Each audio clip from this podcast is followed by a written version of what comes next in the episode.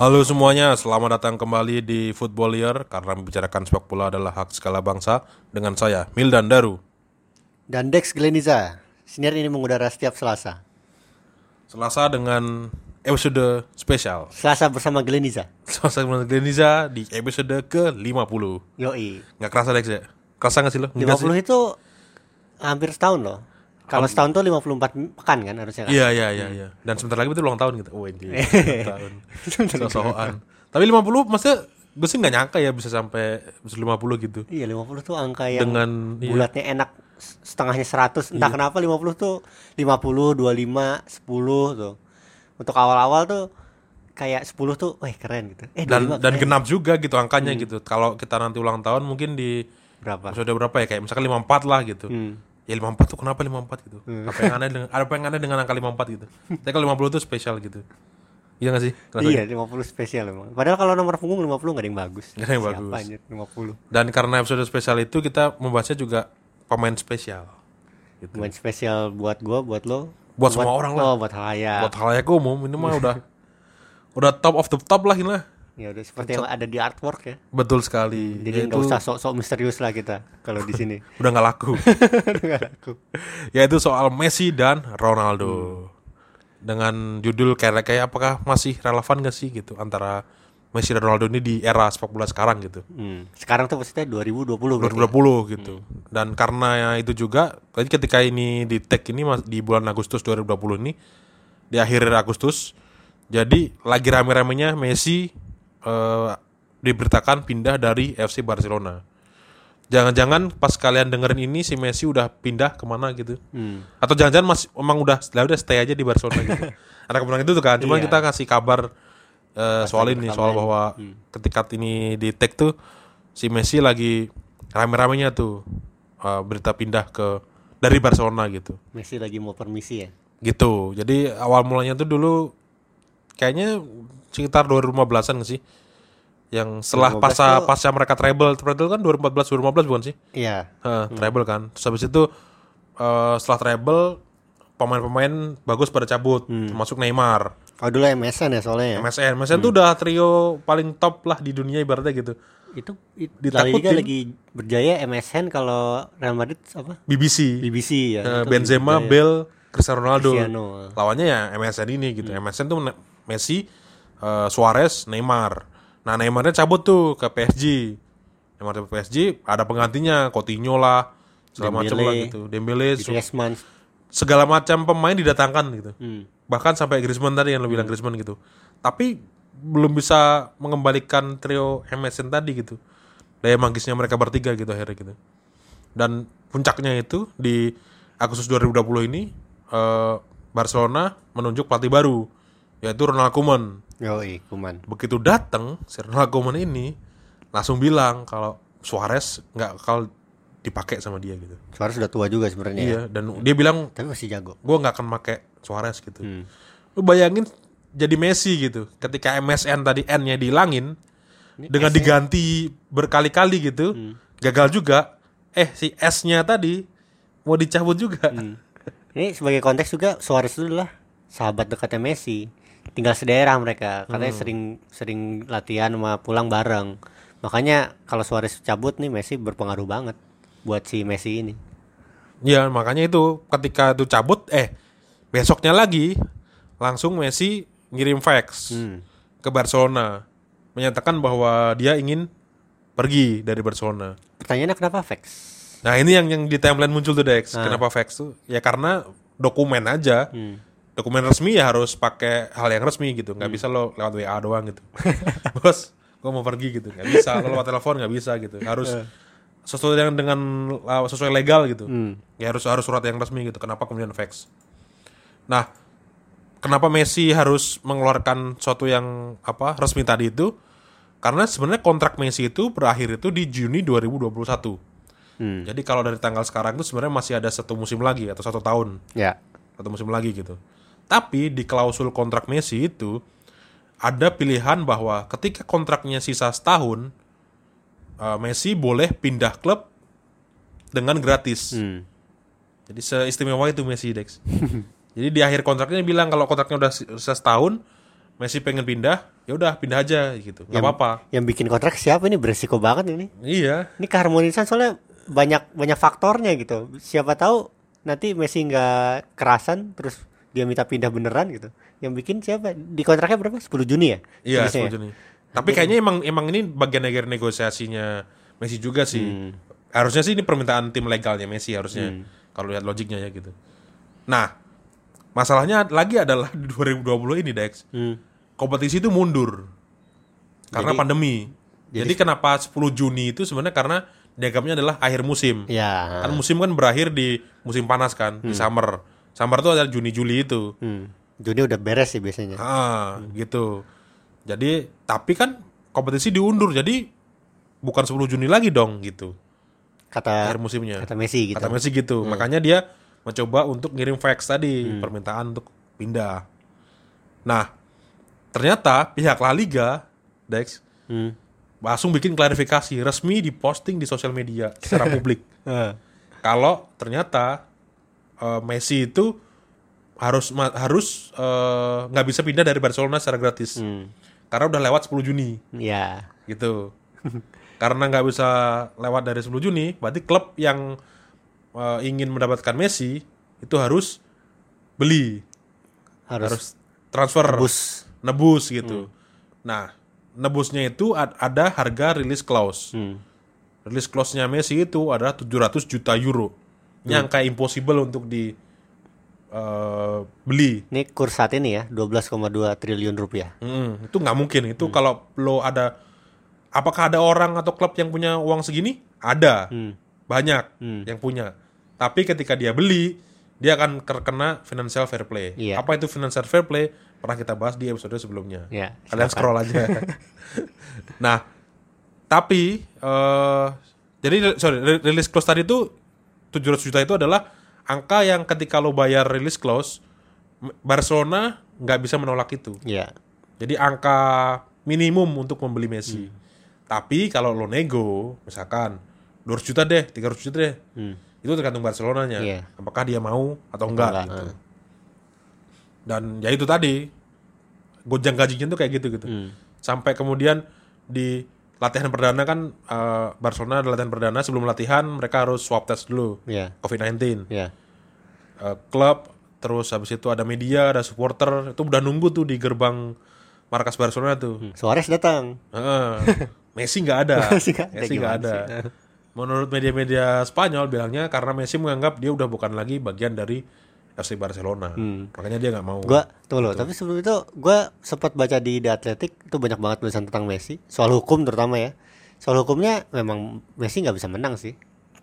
Sul- sulit Susah, menang ya. susah menang Kalau kalau dikasusin gitu. hukum. Sama juga di Spanyol juga kalau udah nentuin 10 Juni, kalau udah nentuin tanggal gitu lah, nggak bisa di dikenain karet-karet. Tapi kan 10 Juni kan kalau nggak pandemi gitu nggak bisa. Karena Itu biasanya 10 Juni soalnya. Kayaknya di kontraknya juga nggak ada klausul pandemi mungkin ya. Hmm. Siapa yang Force siapa yang bisa memprediksi ada pandemi? Iya. Sakti banget kalau bisa bikin kayak gitu.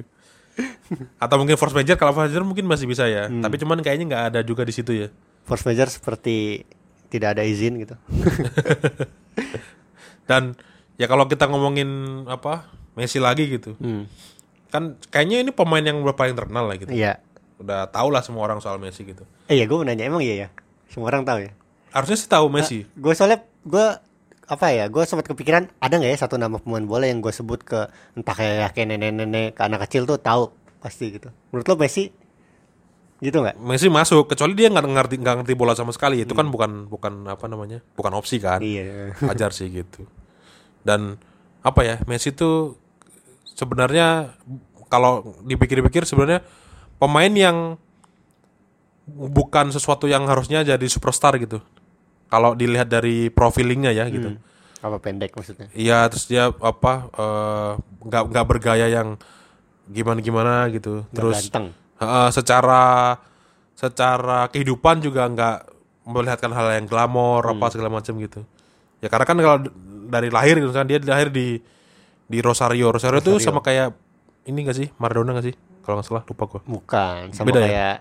Ini nanti nanti di apa Rosario itu sama kayak ini Bielsa. Oh iya Bielsa ya. Oh iya ding Bielsa. Sorry kok kenapa kok Maradona ya ke Bielsa gitu. Dan kayaknya orang yang Rosario lahir di Rosario terus orang paling terkenal yang lahir di Rosario tuh nggak ada ya kayaknya. Iya Marcelo Bielsa. In- Ini, mau gue bahas. Tapi nggak orang nggak tahu bahasa Bielsa Dex kecuali dia udah, dengerin udah podcast disurvei, kita. udah disurvei. Oh gitu. Udah disurvei katanya oh, yang yang orang terkenal paling terkenal dari Rosario tuh Marcelo Bielsa bukan Lionel Messi. Cuma nanti ada cerita tentang nama Messi nanti lah. Nanti kita bahas lah. Oke. Oh jadi sebenarnya eh karena orang nggak tahu kalau Messi itu lahir di Rosario. Hmm. Mungkin logiknya Mungkin, gitu ya. mungkin, mungkin. Logiknya Ah, gitu ya. Jadi bukan karena Messi nggak terkenal, Hmm. tapi orang kayaknya nggak tahu kalau Messi itu lahir di Rosario. Mungkin. Mungkin orang taunya kalau dia itu ya udah dia itu lahir di di Barcelona gitu. Iya. Kayaknya ya gitu. Hmm. Karena emang dari kecil emang itu kan. Dia di di Barcelona kan. Nah, cuman sebenarnya nggak dari kecil-kecil amat sih dia tuh pindah ke Barcelona di umur berapa sih? 11 ya? 11 tahun apa? Eh oh, eh 13 ya? 13 Soalnya tahun. dia tuh mengalami mandek hormon kan. Hormon pertumbuhannya mandek terus yang bisa menjalani pengobatan tuh ternyata Barcelona sekaligus ya udah pindah sekalian ke Barcelona. Ya udah dia jadi pemain Barcelona lah sejak tahun berapa tuh berarti? 2001. Anjir udah berarti kalau 2020 udah 19 tahun di Barcelona udah lama banget. Dia memang one club man sih, nggak pernah nggak pernah ke mana-mana gitu. Terus juga 19 tahun di Barcelona tuh dia pertama kali treble tuh 2009 sekaligus juga Ballon d'Or pertamanya kalau di kalau di Barcelona Messi gitu. Dan ini kan yang membuat Rosario tadi nggak ini nggak nggak dibahas gitu. Maksudnya nggak nggak masuk radar orang karena Rosario itu eh sorry Messi itu ya orang Barcelona gitu. Hmm. Bukan orang Bukan Rosario, orang bukan orang bener, bener. Argentina. Ah, Image-nya selalu iya, gitu iya, kan iya, gitu. Eh, karena kehidupannya kayaknya gitu juga gitu ya apa apa Barcelona Barcelona Hmm. di, di, di Katalan gitu segala macam gitu. Beda sama Ronaldo Nah, kalau Ronaldo itu lahir di Madeira. ah, terkecil banget itu. Ah. Jauh dari Portugal daratan lah gitu. Dia tuh usia 11 ya, tadi ke- ketukar angkanya. 11 pindah ke Lisbon. Waktu itu dia main di Akademi Sporting Lisbon. Nah, waktu pas 2003 pas pembukaan stadion barunya Sporting Lisbon, dia main sama Man United kan. Nah, di situlah dia dibeli sama Man United habis itu di 2003. Dan kemudian menggemparkan dunia saat itu. ya. Hmm, habis itu karirnya benar-benar menanjak Ronaldo. Kalau Messi kan tadi cuma di Barcelona doang, kalau Ronaldo Sporting, Man United, Real Madrid, Juventus. Dan Ronaldo itu karena kenapa Madeiranya terkenal itu karena Ronaldo benar-benar peduli sama daerah asalnya. Dibangunlah Dibangun kan, dibangun pariwisatanya lah, airport, investasi gitu segala macam gitu. rumah sakit, bahkan patung Ronaldo yang jelek itu juga ada di airport Madeira. Jadi ya ibaratnya Ronaldo memberikan segala sesuatunya untuk Madeira gitu. Jadinya eh, Orang tahu orang tahu asalnya dia dari mana gitu. orang tahu Madeira jadi dari ini, dari Ronaldo gitu. Kalau kayaknya juga tuh ya kalau nggak ada Ronaldo gue nggak akan tahu Madeira di mana gitu. nggak tahu kayaknya. Tapi beda sama Messi. Messi meskipun ada Messi tapi jarang yang tahu kalau dia itu lahir di kota bernama Rosario. Rosario di Argentina gitu. Dan kalau ngomongin Messi sama Ronaldo tuh sebenarnya ngomong ya udah pemain terbaik aja udah gitu. Hmm. Tapi menurut lo itu apakah mereka itu pemain terbaik di Panjang masa. sepanjang masa gitu misalkan? Kalau pendapat lo gimana soal ini? Kalau dari a- cuman angka statistik, iya golnya banyak banget. Tapi kalau dibandingin langsung, gue rasa nggak apple to apple, nggak nggak bisa dibandingin. Misalkan harusnya sama siapa ya? Kalau Pele Maradona gitu lah, Mar- Maradona gitu Messi nggak bisa. Beda, ya beda generasi.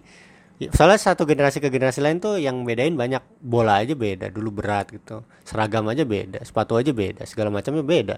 Apalagi yang beda mil? Revolusi taktik Ah, beda, taktik juga aturan beda, beda. heeh. Sebelum sebelum ada Back pass, back pass, sebelum ada offside. offside segala macam itu juga, juga beda gitu. Hmm. Terus kayak apa ya? ya Kayak hal-hal lain sport science-nya lah. Sampai ya tadi sepatunya, Hmm. bolanya segala macam beda gitu. Makanya sebenarnya ngomongin soal apakah Pele dan Maradona melawan Messi dan Ronaldo itu nggak bisa di, nggak bisa dipertandingkan tanda kutip gitu. Bisa di FIFA ada sih. Iya kan di, FIFA. di game FIFA, di game FIFA, FIFA Legend. Oh iya legend ya, fotonya itu. Pro Pro eh Pro Club tuh di PES sih yang Hmm. ya FUT FUT itu kan. Ya tapi maksudnya kalau ngomong ngomongin ah Messi mah nggak berapa apanya sama Maradona gitu. Iya susah juga sih dibandingin sih gitu. Maradona pernah bawa juara dunia? Nah itu lain beda soal. beda juga Beda kan. Hmm. juga gitu. Apakah support sistemnya sama juga? Nggak tahu juga gitu. Jadi ya itu tadi kayak misalkan kapan terakhir kali Argentina juara gitu? Kawan tadi Udah lama. 86 berapa? Kalau nggak salah 86 kalau nggak salah ya gitu. Lama anjir. Iya, terus kayak Copa Amerika Hmm. yang lebih gampang lagi 90-an awal, 93 93, 92, 93 gitu. Jadi sebenarnya sebelum ada Messi pun gitu, Messi kan baru naik 2001-an kan, 2000 ke atas lah ya. 2004 dia juara Olimpiade. Olimpiade itu Eh, 2008. 2000 ke, 2000 ke atas lah intinya lah gitu. Jadi 2000 ke bawahnya itu juga sebenarnya selama 10 tahun itu struggle juga Argentina gitu. Hmm, pernah juara lah. Eh, bukan tim bukan bagus iya, ya. Bukan karena Messi-nya juga gitu sebenarnya. Dan itu tadi kalau ngebandingin pemain yang kayak gitu ya emang udah udah nggak relevan gitu. Tapi kalau ngomongin apakah pemain terbaik satu dekade belakang, gue sih setuju Dex. Kalau gimana? Sama lah. Siapa lagi yang bener-bener complete package gitu. Kalau lo, lo lihat mungkin prestasi timnya nggak bagus kayak Messi Ronaldo itu kan juara Ballon d'Or juara Ballon d'Or tuh juara pemenang sih. Ya, intinya dapat Ballon d'Or itu kan berturut-turut sejak kakak tuh tahun berapa ya 2007 apa. Sejak itu abis itu diputusnya sama Modric tahun 2018 kan. Itu membuktikan bahwa mereka adalah pemain terbaik. Tapi meskipun timnya nggak juara pun kayak misalkan pas Schneider Inter treble tuh ya Schneidernya bagus cuman nggak sebagus Messi dan Ronaldo sejak secara individu. Jadi kalau lo bilang pemain individu terbaik 10 tahun terakhir, iya Messi Ronaldo. Ya, Dan- ganti-gantian aja mereka. Iya. Secara image juga kan kita taunya Ronaldo adalah pekerja keras. Messi apa bakat. Hmm. Messi adalah pemain berbakat gitu. Nah, sementara kita juga harusnya sepakat bahwa pemain bagus adalah pemain yang berbakat dan dia juga Bekerja keras. Hmm. kerja keras gitu. Jadi image antara bakat dan kerja keras itu ada di ada di keduanya sih. Sebenarnya kalau bilang Ronaldo nggak berbakat nggak gitu juga. Ya nggak bisa. Makanya kan Messi Messi eh, nggak kerja keras nggak juga. nggak juga Kerja gitu. keras Tapi Messi. image-nya pemain terbaik adalah pemain yang berbakat yang kerja keras ya udah gitu. Hmm. Lo kerja keras doang kalau nggak bakat gue sih bilang nggak bisa sih. Iya. Karena bakat tuh sebenarnya bukan sesuatu yang kemudian turun dari langit terus secara spirit, secara spiritual. Hmm. Kayak gitu juga. Bakat tuh bisa jadi secara fisiologis tubuh lo emang lo punya jantung yang kuat Hmm. buat atlet gitu. Lo punya kaki yang proporsional gitu. Kalau lo nggak punya itu ya ya mohon maaf gitu se sekerja kerja kerasnya lo ya akan susah itu untuk jadi pemain pro gitu. Pemain yang top gitu. Kan gitu kan gitu. Iya. dan ada juga yang bilang kalau ah Messi Ronaldo tuh nggak oke sih gitu. Karena udah menurun. Udah tua gitu gitu. Ya gue sih akan bilang kalau ngomongin pemain terbaik kayak gitu dalam era sekarang ya kan 2000 di 2020 gitu. Kalau di satu dekade ke belakang ya udah kita tadi berdua udah sepakat kalau Messi dan Ronaldo Ya, terbaik gitu tapi kalau di 2020 Siapa? lebih bagusan Lewandowski, misalkan iya. karena dia bisa ngegolin banyak banget kan gitu Top skor di tiga kompetisi yang dia juara juga. Hmm, dan itu ya bisa aja, oke-oke aja gitu. Gue sih kalau ada orang setuju Lewandowski lebih bagus daripada Messi dan Ronaldo di 2020, Iya. gue sih akan bilang oh ya nggak apa-apa gitu, oke gitu. Meskipun gue nggak setuju ya secara ini ya, secara. Tapi kalau ada orang kayak gitu, gue nggak akan membantah juga sih gitu. Nah, cuman kan itu tidak tidak menghalangi atau tidak menghapus image bahwa Messi dan Ronaldo itu adalah pemain bagus. Hmm. Bukan kemudian dia jadi kemudian jadi pemain jelek gitu Hmm. kan nggak gitu kan gitu apalagi di satu satu dekade belakang gitu kayak misalkan debat lagi soal Ronaldo Brazil Luis Nazario de Lima Ronaldo Hmm. Kebetulan namanya sama sih. Iya. Ronaldo Brazil sama Ronaldo Cristiano Ronaldo Portugal ada yang bilang Ronaldo yang asli adalah Ronaldo yang ber- dari Brazil. Hmm. katanya gitu. Kalau Ronaldo Portugal bukan dia bukan Ronaldo gitu. Dan ka- dan katanya sih Ronaldo yang Portugal ini Ronaldo yang sekarang ini sangat benci sekali kalau dibanding bandingin kayak gitu. Oh iya. Eh, ada ada ada media ada apa segala macam yang ngomong kayak gitu dia marah gitu. Dia nggak mau dibanding bandingin karena menurut dia ya udah gue beda gitu. Ya karena tadi emang beda gitu. Apakah kemudian misalkan kalau sekarang gitu ngomongin sekarang kan konteks Lewandowski sama Messi tadi kan gitu kalau ngomongin sekarang di 2020 gitu Ronaldo, bagusan mana Ronaldo Nazario sama Ronaldo Portugal gitu ya jelas Ronaldo Portugal kan gitu. Portugal, Ronaldo Ronaldo Nazario Nazario udah gendut, udah apa eh, dengkulnya udah kopong gitu. Karena kan lutut kan jadi lutut, kan gitu. Tapi kan pas waktu prime time-nya kan tidak menutup kemungkinan untuk Ronaldo tetap ba- bagus gitu. Ronaldo Brazil tuh zaman dulu bagus gitu. Bahkan di SSB tuh gua kalau ada movement aneh-aneh tuh dia bilang Ronaldo. Ronaldo, Ronaldo yang bisa gitu. Ini ya, kalau kalau kalau mau Ronaldo kamu bisa melakukan ini kalau kamu ke Ronaldo kamu nggak bisa gitu gitu ada pokoknya nama Ronaldo tuh selalu muncul di segala trik-trik aneh-aneh lah gitu itu tadi kan jadi kalau ya udah kalau ngomongin pemain terbaik beda generasi ya tadi beda nggak bisa dibandingin terus tapi tidak menutup kemungkinan juga untuk lo bilang kalau Ronaldo dan Messi adalah pemain bagus gitu. Karena di prime time-nya masih oke. Bahkan di usia sekarang masih bagus juga mereka berdua gitu di atas kepala tiga gitu. Dan kalau ngomongin apa namanya soal Messi Ronaldo kan juga ngomongin ini Dex Eh, harta dan duit segala macam tuh. Tapi yang sponsornya Nike Ronaldo, just do it. Iya, Ro- Ronaldo ini Ronaldo dua-duanya sih. Hmm. Ronaldo Brazil sama Ronaldo ini. Ikonnya kan juga kan Ronaldo gitu. Oh iya Ronaldo dua-duanya. Ronaldo dua-duanya kan Nike, Nike semua juga. gitu. Iya gitu. Hanya uang ya. Dan ini kan yang apa nyambung sama pemain terbaik tadi bahwa kalau lo terbaik di bidangnya ya otomatis duit akan nempel juga, sponsor akan nempel juga gitu. Iya. Itu berlaku di semua sih, lo mau aktor, aktris, seniman yang lain, penyanyi lah, pembalap lah gitu. Segala macam. Kalau lo terbaik ya lo akan nempel dengan harta tadi gitu. Ini kebetulan ada datanya dari ini langsung ngomongin duit nih berarti ya. Ngomongin apa? ya? Bukan duit sih sebenarnya sih. Nilai ya, Nilai value, lah. value. ah. value, value. Jadi kalau gua dapat contekan yang paling gampang aja lah carinya transfer market lah ya. Hmm. Ini juga pernah kita bahas di episode transfer. Jadi sebenarnya nggak bisa nggak bisa benar-benar dipercaya, cuman ini sebagai acuan aja. Jadi nilai Messi itu berdasarkan transfer market naik terus sejak 2009. 2009 itu ketika treble di Barcelona dan ketika dia dapat Ballon d'Or. Jadi titik awalnya ketika nilainya itu 50 juta pound waktu itu. Sementara kalau nilai tertinggi dia itu ada di 2018 adalah 162 juta pound. Habis itu cuman turun terus mil ternyata dari 2018 sampai 2020.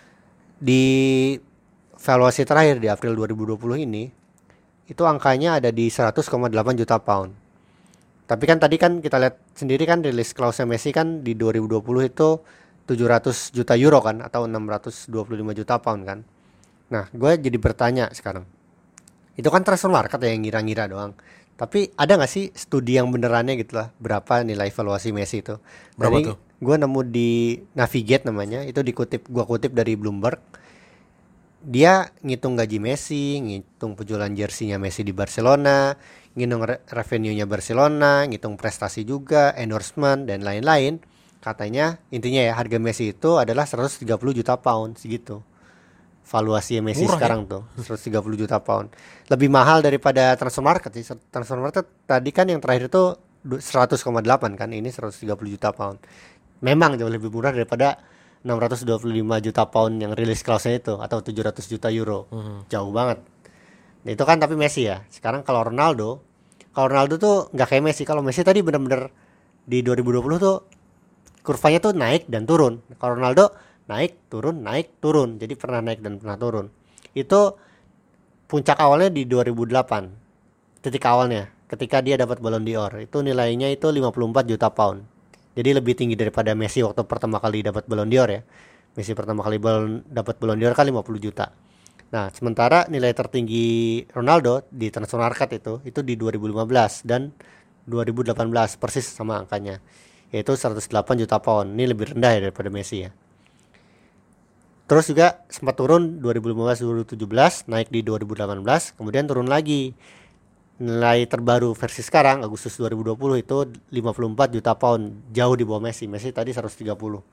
Mungkin Ronaldo kayak faktor lebih tua juga kali ya, 35 tahun kan usianya di 2020 sementara Messi 33 tahun. Beda 2 tahun sih sebenarnya nggak jauh-jauh amat sih, cuman dari harga ternyata jauh nih. Nah, dari studi, studi sejenis kalau kita nggak ngambil transfer market, nilai Ronaldo ternyata ternyata jauh lebih tinggi mil daripada Messi. Kalau transfer market kan lebih rendah.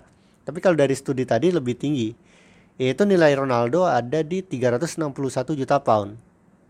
Kenapa bisa tingginya tinggi banget? Soalnya ternyata Ronaldo lebih banyak dapat endorsement. Ini ini bener-bener ngaruh banget buat valuasi yang ngitung kayak tadi gaji, jersey, revenue, endorsement kayak gitu gitu. Ini juga dia ber berutang banyak sama agennya Jorge Mendes yang bener-bener pengen yang terbaik buat Ronaldo. Tapi sebenarnya kalau dibilang Messi nggak laku juga nggak gitu juga. Gue juga baru baca juga dari The Athletic soalnya katanya Messi tuh paling males syuting iklan. Jadi bukannya iklan nggak mau ke dia, cuman dia malas aja gitu, malas yang yang gitu-gitu perintilan-perintilan kayak gitu tuh malas lah gitu. Makanya angka endorsementnya kecil, valuasinya juga akhirnya kecil gitu. Nah ini juga gue juga dapat gaji Ronaldo juga lo tau nggak jadi gaji per detik dia berapa Berapa? tujuh belas ribu rupiah Lo diem. Set, diem. Lima puluh satu ribu. udah banyak Tiga detik. Anjir gitu. nah di 2020 itu gajinya Ronaldo dari yang main bola itu tahunan 48 juta pound tapi dari endorsement 33 juta pound ini lagi-lagi gua memberikan apa ya perspektif kalau ya duit buat pesepak bola tuh justru banyaknya dari luar. Terus juga kalau kita lihat Ronaldo dia senang ini kan apa ya charity lah gitu. Senang senang berbagi gitu. Apalagi juga dia nggak punya tato jadi bisa bikin dia juga rutin donor darah itu mungkin yang naikin apa ya eh, pasarnya dia lah gitu buat orang-orang selain juga duitnya juga Nah, itu kan yang image-nya Messi itu kan itu kan. Eh, Messi itu ibaratnya kenapa dia jadi pemain bintang paling terkenal punya jutaan fans karena karena dia jago main bola gitu. hmm. Eh, secara branding segala macam akhirnya gue sih bilang kalau bukannya Messi tidak di branding ya gitu. Karena Messi itu sebenarnya di branding Hmm. dan dia punya sosmed kalau nggak salah termasuk telat sih Messi ini. oh iya Heeh, dulu tuh awalnya cuma tim Messi doang. hmm. Kayak Pep Guardiola, Pep Guardiola tuh punya akun sosmed tapi yang dikelola oleh tim. Hmm. Sama kayak Messi dulu awal-awal. Awal-awal tuh dia punya eh, duluan tuh adalah tim Messi kalau nggak salah itu. Hmm. Nah, itu yang eh, ya udah itu tim tim PR-nya dia aja gitu. Karena pemain besar dia kalau pemain besar kan di- dianggapnya seolah dia tuh aset yang berharga gitu. Seolah seolah perusahaan. Jadi ada yang jadi apa manajer sosmednya, ada yang jadi marketingnya kan gitu kan. iya, iya. Padahal orang yang dijual tuh orang tuh, tapi orang itu tuh punya punya kayak perusahaan gitu. Nah, dikelolanya kayak gitu si Messi itu karena ya mau mau jual apa lagi gitu Messi kan nggak nggak bisa disuruh kayak Ronaldo. Ronaldo kan di- lo bisa Ada suruh jualan. tampil kayak disuruh dandan gitu. Iklan KFC aja mau Iya dan secara fisik gitu, secara fisik udah ada studi banyak studi yang bilang kalau si Ronaldo melakukan operasi muka gitu kan. Dia mau memperbaiki giginya giginya berbagai apa segala macam gitu dan agar terlihat lebih yang kata orang-orang lebih ganteng gitu. Nah, Messi kan ya udah biasa aja gitu. Mau brewok brewok juga karena dia kayaknya pengen brewok aja gitu. Kalau Cristiano Ronaldo kan dia mungkin kalau tiba-tiba jadi brewok kan karena style karena apa gitu. Kalau Messi ya mungkin karena lagi malas cukur aja gitu gitu. biar dibilang god iya iya. Secara ini gitu. Dan efeknya kan jadi ini kan Dex. Efek ke non sepak bolanya gitu. Katanya kan kalau duit gitu. Terus efek non sepak bolanya kan juga sama-sama dahsyat dua-duanya gitu. iya sih kayak tadi kalau balik lagi ke Rosario ya tadi kita bilang kan Messi nggak ter- terkenal itu kan di Rosario tapi ternyata pas gue lihat Pemkot Rosario itu ngelarang penggunaan nama Lionel dan atau Messi buat bayi-bayi yang baru lahir itu sejak 2014 Biar nggak semua orang di satu kota namanya Lionel Messi. Heeh. Kalau Marcelo Bielsa masih boleh katanya. Padahal udah jadi nama stadion juga. Tapi eh, sebelum peraturan tersebut diketok katanya sempat ada bayi namanya Messi Daniel Varela. Ini bapaknya bangga banget. Ini dikutip banyak media nih di Argentina. Katanya saya adalah bapaknya Messi katanya. ya bener sih, emang nggak salah sih. nah, ini kan itu kan tadi Messi kan. Nah, kalau Ronaldo, mungkin Ronaldo yang bikin kesel juga kenapa nama gua sama sih sama Ronaldo Brasil gitu. Padahal bapaknya Ronaldo itu ngasih nama Ronaldo terinspirasi dari Ronald Reagan, presiden Amerika Serikat yang dulunya aktor. Nah, ada wawancaranya juga. Jadi katanya bapaknya uh, Ronaldo waktu ditanya kenapa pengen nama Ronald Reagan, dia bilang karena dia senang sama skill actingnya, bukan karena ganteng atau apa gitu. Nah, ini juga sempat diledekin abis abis apa interview ini. Ronaldo kan diving gitu. Wah, emang bapaknya ngasih nama gara-gara dari aktor kayak gitu. Tapi memang, memang beneran katanya dari uh, kemampuan actingnya gitu.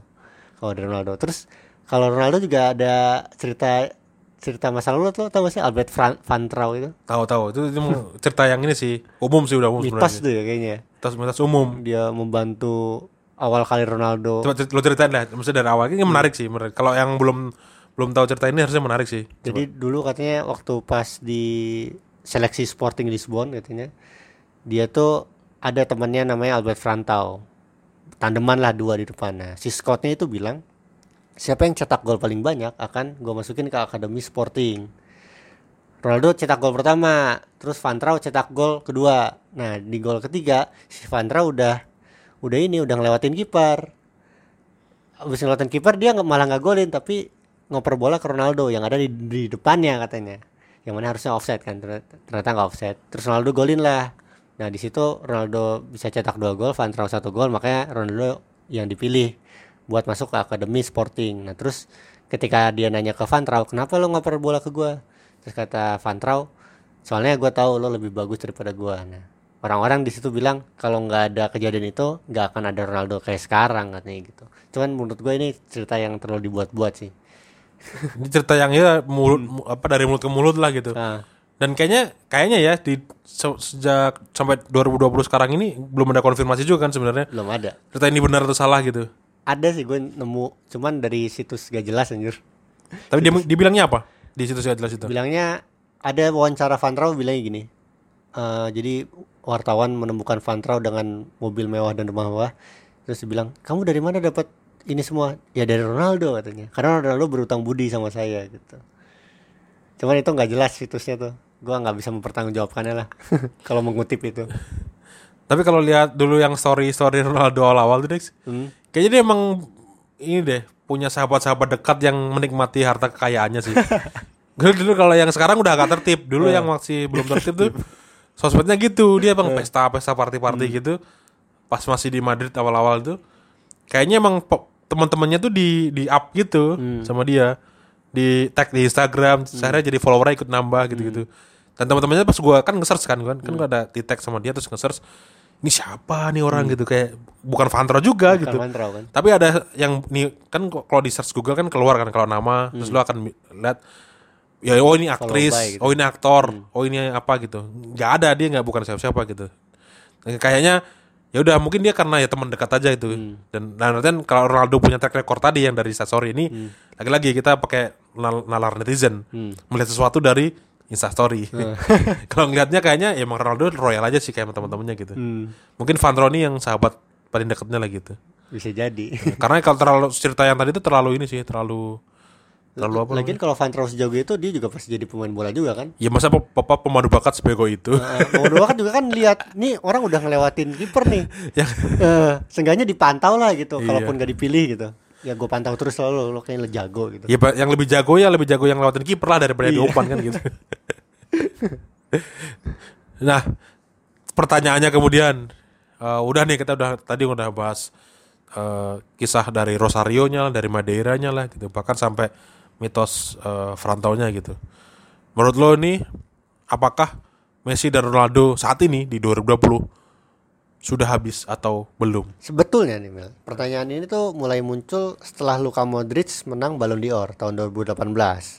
Kan soalnya kan sebelum itu kan sejak 2007 kakak menang Ballon d'Or kan dia itu runner up-nya Messi kalau nggak salah ya. Peringkat ketiga Ronaldo. Habis itu kok Messi, pemenang Ballon Ronaldo, d'Or Ronaldo, Messi, ya, Ronaldo, Messi, gitu gitu. terus. Nah, tapi ternyata itu terulang lagi di 2020 nggak ada Ballon d'Or kan. Hmm. Jadi kita nggak tahu lah gimana. Meskipun ternyata setelah Modric menang 2018, 2019 Messi menang Ballon d'Or lagi gitu. Jadi gue bilang sih ini udah agak basi, cuman kalau sekarang tuh di up lagi gara-gara Messi pindah dari Barcelona, Ronaldo nggak juara Liga Champions meskipun juara eh, Serie A. Kalau dilihat juga kan reputasinya apa ya, Messi alien ya, Ronaldo tuh robot gitu. Makanya kalau kakak bisa menang atau Modric bisa menang tuh manusia terakhir yang menang Ballon d'Or gitu sebelum kemudian alien dan robot mendominasi. Terus juga kalau kita lihat gini Mil, di 2020 ini Messi usianya kan 33 tahun kan, Ronaldo 35. Waktu interview tahun 2018 kalau nggak salah ya, Messi itu bilang bakal pensiun di usia 35 atau 36. Kalau Ronaldo bilangnya bakal mau main sampai usia 40-an. Kalau kita lihat usianya udah setua itu sekarang dan mereka juga belum juara dunia, wajar wajar menurut gue sih kalau era mereka dianggap udah habis. Soalnya kan Piala Dunia berikutnya tahun 2022 itu berarti Messi udah 35 tahun, Ronaldo 37 tahun kayaknya udah terlalu tua sih. Ini anggapan gue ya. Orang-orang tuh mengang- menganggap pemain terbaik dunia tuh belum benar-benar terbaik kalau belum juara dunia. Nah masalahnya Hmm. Messi dan Ronaldo itu meraih Ballon d'Or yang merupakan titel pemain terbaik dunia itu satu dekade terakhir gitu. Meskipun dua-duanya nggak pernah juara Hmm. Dunia. Hmm. dunia gitu. Cuman Ronaldo doang bisa juara Euro kan waktu Eropa. di 2016 gitu. Dan kayaknya menurut gue ya penghargaan individu itu tidak bisa disatukan dengan penghargaan tim. Hmm. Ya beda aja udah gitu. Kalau lo mau lo mau nilai dari apa? Individu. Oh yaudah, lo baru nilai pemain dari individunya. Eh piala juara Piala Dunia adalah eh, gelar tim. Hmm. Piala untuk tim gitu. Jadi lo harus nilai sesuatu tuh dari timnya. Timnya Ronaldo dan timnya Messi gitu. Nasib aja berarti dong nggak pernah juara dunia ya. Eh iya mungkin bisa jadi, bisa nasi bisa apa gitu. Tapi Jadinya- kalau ada orang berpendapat berarti gelarnya itu nggak sempurna gitu lah. Oke masih terbaik cuman nggak sempurna menurut lo gimana? Lo bisa menerima itu nggak? ya i- bisa juga sih masih bisa tapi kayak ah nggak adil juga lah gitu kan seharusnya nggak gitu gitu karena ya Gareth Bale lo tau Gareth Bale kan ya Wales tapi kan. Ja- jago tapi di Wales gitu terus Ryan Giggs kan juga di Wales. di Wales gitu George Best Heeh. juga di Landia Utara. di pemain bagus yang nggak nggak ada ininya nggak ada support sistemnya gitu jadinya ya udah susah untuk bisa ikut juga gitu Nah kalau sekarang berarti di usia yang tua, us, apa berarti eranya udah habis belum dengan Messi dan Ronaldo ini udah semakin menurun timnya juga nggak sekeren dulu lagi gitu. Apalagi Messi juga sekarang dispute juga sama Barcelona. Ini menurut lo gimana?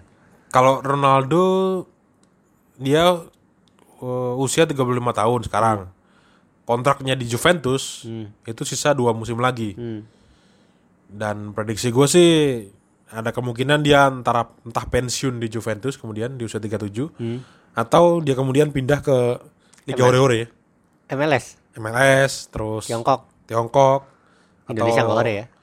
di Arab gitu di di Qatar atau di mana pun Qatar. gitu kemungkinan itu Hmm. makanya kalau sekarang itu ya udah mau disenjang ini sih sejak karir lah gitu kalah. jadi udah ya masih bagus masih apakah udah habis belum Hmm. karena masih di, di andalan Juventus masih di top top, top score angka asisnya tinggi banget. iya jadi masih di, jadi top score juga kan gitu. Jadi ya udah masih masih jago lah gitu ibaratnya gitu. meskipun nggak nggak di prime time-nya tapi Di jadi kalau pertanyaannya jagoan. adalah habis sebelum 2020 2020 ini belum. Hmm. terus Messi apakah udah habis belum? Belum juga kata gua Hmm. gitu. Meskipun usianya di atas udah kepala tiga gitu. Hmm.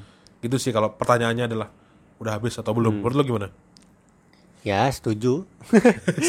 Pada intinya setuju sih, cuman ya gue sih tadi menekankan di belum juara dunia dan kayaknya nggak akan bisa juara dunia sih iya susah sebagai ya. pemain ya. Iya. Nggak tahu. Eh tapi gue nggak ngerasa Messi Ronaldo cocok sebagai pelatih, meskipun Ronaldo pernah jadi pelatih dalam tanda kutip ketika juara Euro. di final itu ya waktu itu Iya. ya. ya nggak tahu juga sih Hmm. apakah akan dilakukannya ya dan kayak misalkan tadi udah lah kita udah close masalah soal soal Ronaldo karena ya sisa kontrak dua musim yang gue bilang tadi kan Hmm. Ada kemungkinan pensiun di Juve atau pindah ke Liga Hore-Hore Hmm. tapi Messi masih panas Dex sekarang Dex Lagi lagi panas nih. Nah, masih pa- lagi panas dan masih panas.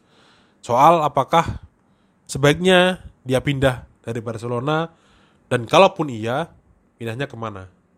Pendapat lo? Jadi gua rasa Messi dan Barcelona itu apa ya? Barcelona itu terlalu mengandalkan Messi sih dalam hmm, dari 2010 lah, 2000 2012 lah. Udah berapa tahun? Udah 8 musim mengandalkan Messi terus dan bukan karena Barcelona jelek, tapi Messinya kejagoan aja gitu. Messi sejago itu buat buat buat segala macam tim dan memang gak ada pemain lagi yang lebih hebat daripada Messi kecuali Ronaldo. Ganti-gantian maksudnya ya nggak nggak bisa nggak bisa dibandingin juga jadi gua rasa wajar sih Barcelona ngandelin ba- wajar bukan Barcelona setiap tim mengenalkan Pemain yang bagus banget. pemain yang bagus banget seperti Lionel Messi gitu terus juga kalau dibilang apa ya apa dia pindah gua rasa sih kalau masalahnya kayak gini tadi juga kita belum bahas intrik ya katanya Messi kayak gini gara-gara dia pengen menyingkirkan presiden Barcelona kan Nah mungkin kalau kalau apa Bartomeu udah resign terus Messi bertahan, gua rasa sih masih oke oke juga. Cuman Barcelonanya nggak sama dengan Barcelona yang dulu. Messi pun beda. Kayak jurnalis Spanyol tuh eh, ngutip soalnya bukan ngutip dia bilang jadi lot lot latihan Messi dan kawan-kawannya yang udah di atas 30 tahun terus Suarez terus juga Pique kan udah pada tua semua tuh. Itu lot latihannya udah udah rendah, pressingnya udah semakin rendah di pertandingan sama Messi udah nggak sering lari lagi gitu katanya itu menandakan bahwa mereka ya udah udah nggak nggak sebagus dulu lagi padahal sebenarnya sih menurut gua permainannya semakin pintar sih. Jadi kalau buat gua sih kalau jadi Messi akan lebih mudah untuk punya dua opsi aja. Bertahan di Barcelona dengan situasi yang kayak gini karena ya udah udah zona nyaman gitu. Atau pindah ke tim yang dia kira-kira cocok dan kira-kira bisa berprestasi di senja kala karir. Ke manakah itu? Ke Pep Guardiola. Man City. Man City. Hmm. Ma- ma- ke mana pun Pep Guardiola pergilah. Soalnya pilihan malas dan pilihan aman menurut gua kayaknya Pep Guardiola juga kan masih penasaran kan di 2020 ini belum pernah juara Liga Champions Messi juga terakhir juara Liga Ch- Champions juga udah lama jadi ya menurut gua kalau gua jadi Messi sih ya, ya antara bertahan atau pindah ke Pep Guardiola aja. Nah kalau pilihannya dua itu bertahan atau pindah ke, ke Man City? Menurut Oke. lo lebih bagus mana buat Messi?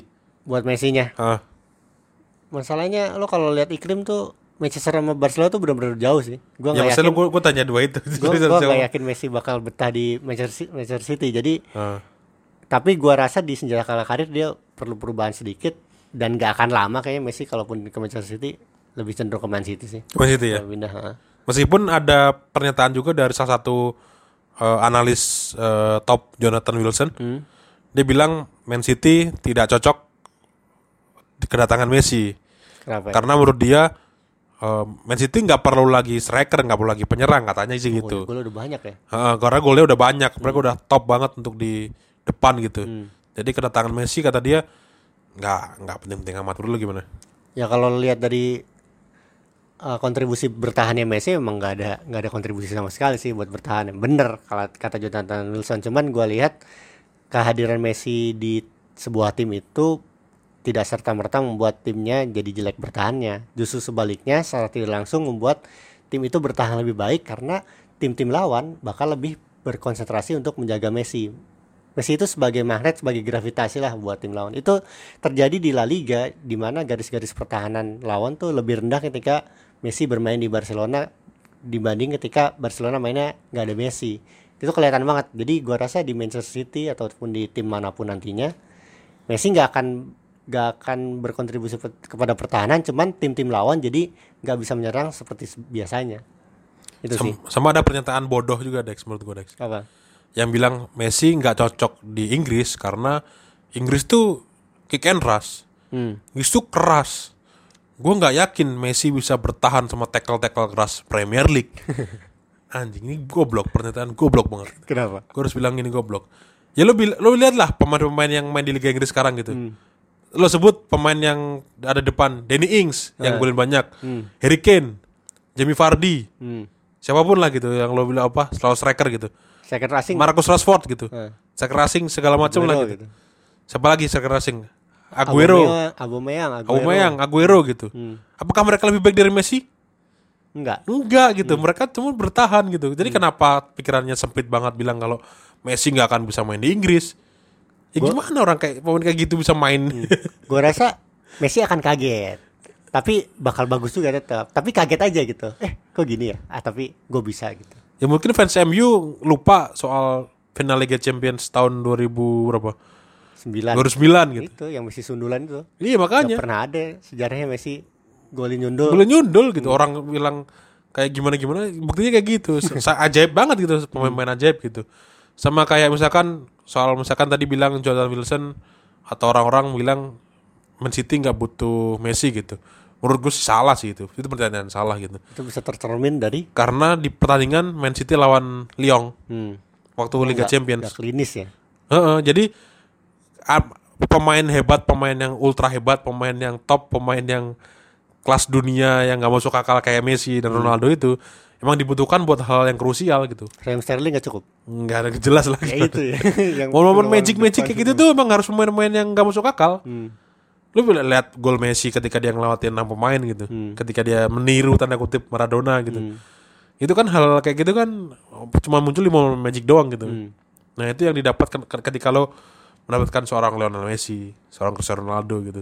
Itu lo akan dapat seperti itu, bukan cuma sekedar pemain jago doang, tapi ada momen-momen magicnya lah gitu. Kayak di Liga Indonesia tuh ketika lo dapat boas, Hmm. itu ya, lo dapat Iya. boas adalah ketika ya udah ketika buntu apa segala macam tiba-tiba ada hal-hal ajaib aja yang dibuat boas gitu dia nendang tiba-tiba tendangannya menukik masuk gol gitu itu kan bola-bola boas kan kalau Iya. istilah anak apa anak-anak lokal kan Hmm. bola-bolanya boas nggak bisa ditebak apa segala macam gitu gerakannya dia lari ke kiri apa kanan dia nggak tahu karena tubuhnya kayak kaku gitu Hmm. itu kan yang terjadi dan kemudian Messi bisa melakukannya itu sih kayaknya. It- itu itu kan tapi kata lo kalau permainan Messi di Man City kan berarti lo setuju man Messi sebaiknya ke Man City aja atau gimana maksud lo jadinya Gue sih pengen lihat dia main di Premier League sih. gue juga sih Itu doang sebenarnya ya. tapi ini ada yang yang menarik itu Messi ini gua nggak nggak ngecek kevalitan ya cuman mungkin eh, follower bisa ngecek Messi sempat nge-request Bielsa untuk melatih Barcelona gitu ya udah Messi kita tengahnya ke Leeds cuman gak akan cocok sih kayaknya biasa nggak nggak nggak suka biasanya pemain-pemain bintang kayak gitu Tapi ya itu tadi kalau pengennya sih main di Premier League biar rame aja. Biar Gue pengen ya. tahu kayak gimana gitu. Gimana Messi main di Premier League itu sih. Jadi kalau Messi itu kan bilangnya ada dua sih mil yang pengen tuh orang biasanya ke Juventus buat buat barengan sama Ronaldo. Pengen lah lihat sekali-kali one last dance gitu. Messi dan Ronaldo semusim juga nggak apa-apa gitu. Nah satu lagi bilang Messi ke Man City, Ronaldo balik ke Man United supaya Ada derby. rivalitas kembali dihidupkan gitu. Ya menurut gue sih kalau untuk berandai-andai ya itu dua opsi yang menarik Messi Messi ke Juventus atau Messi ke Man City atau Messi ke Man City dan Ronaldo ke Man United menurut gue menarik. Tapi Messi bertahan di Barcelona ah, kurang menarik. Tapi buat La Liga ini Harus dibutuhin harus- ya. tetap dibutuhkan jadi makanya dipertahankan Messi kalau bisa di Barcelona. Dan tapi apa pun terjadi kalau yang akan dipilih Messi nanti entah dia kemudian bertahan di Barcelona atau pindah ke klub lain dan klub lainnya itu entah yang mana ya udahlah itu yang penting tetap kita tetap support apa yang Messi pilih Ini kita dari tadi ngomongin Messi kebanyakan Ronaldonya jangan-jangan tiba-tiba pindah gitu ya nggak Ya, nggak tahu juga kan. gitu. Tapi Ronaldo tadi lo bilang baru perpanjang kontrak soalnya kan. Oh, nggak, masih masih ada Masih- kontrak masih sih. ada kontrak, bukan? dua, dua musim Dua dan musim. usianya segitu kayaknya ya nggak akan aneh-aneh lah gitu aneh-aneh.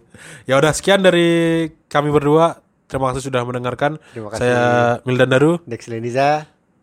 izin pamit dadah. Dadah. Ini adalah suara pandit komputer. Terima kasih telah mendengarkan. Jangan lupa share ke teman-teman kalian.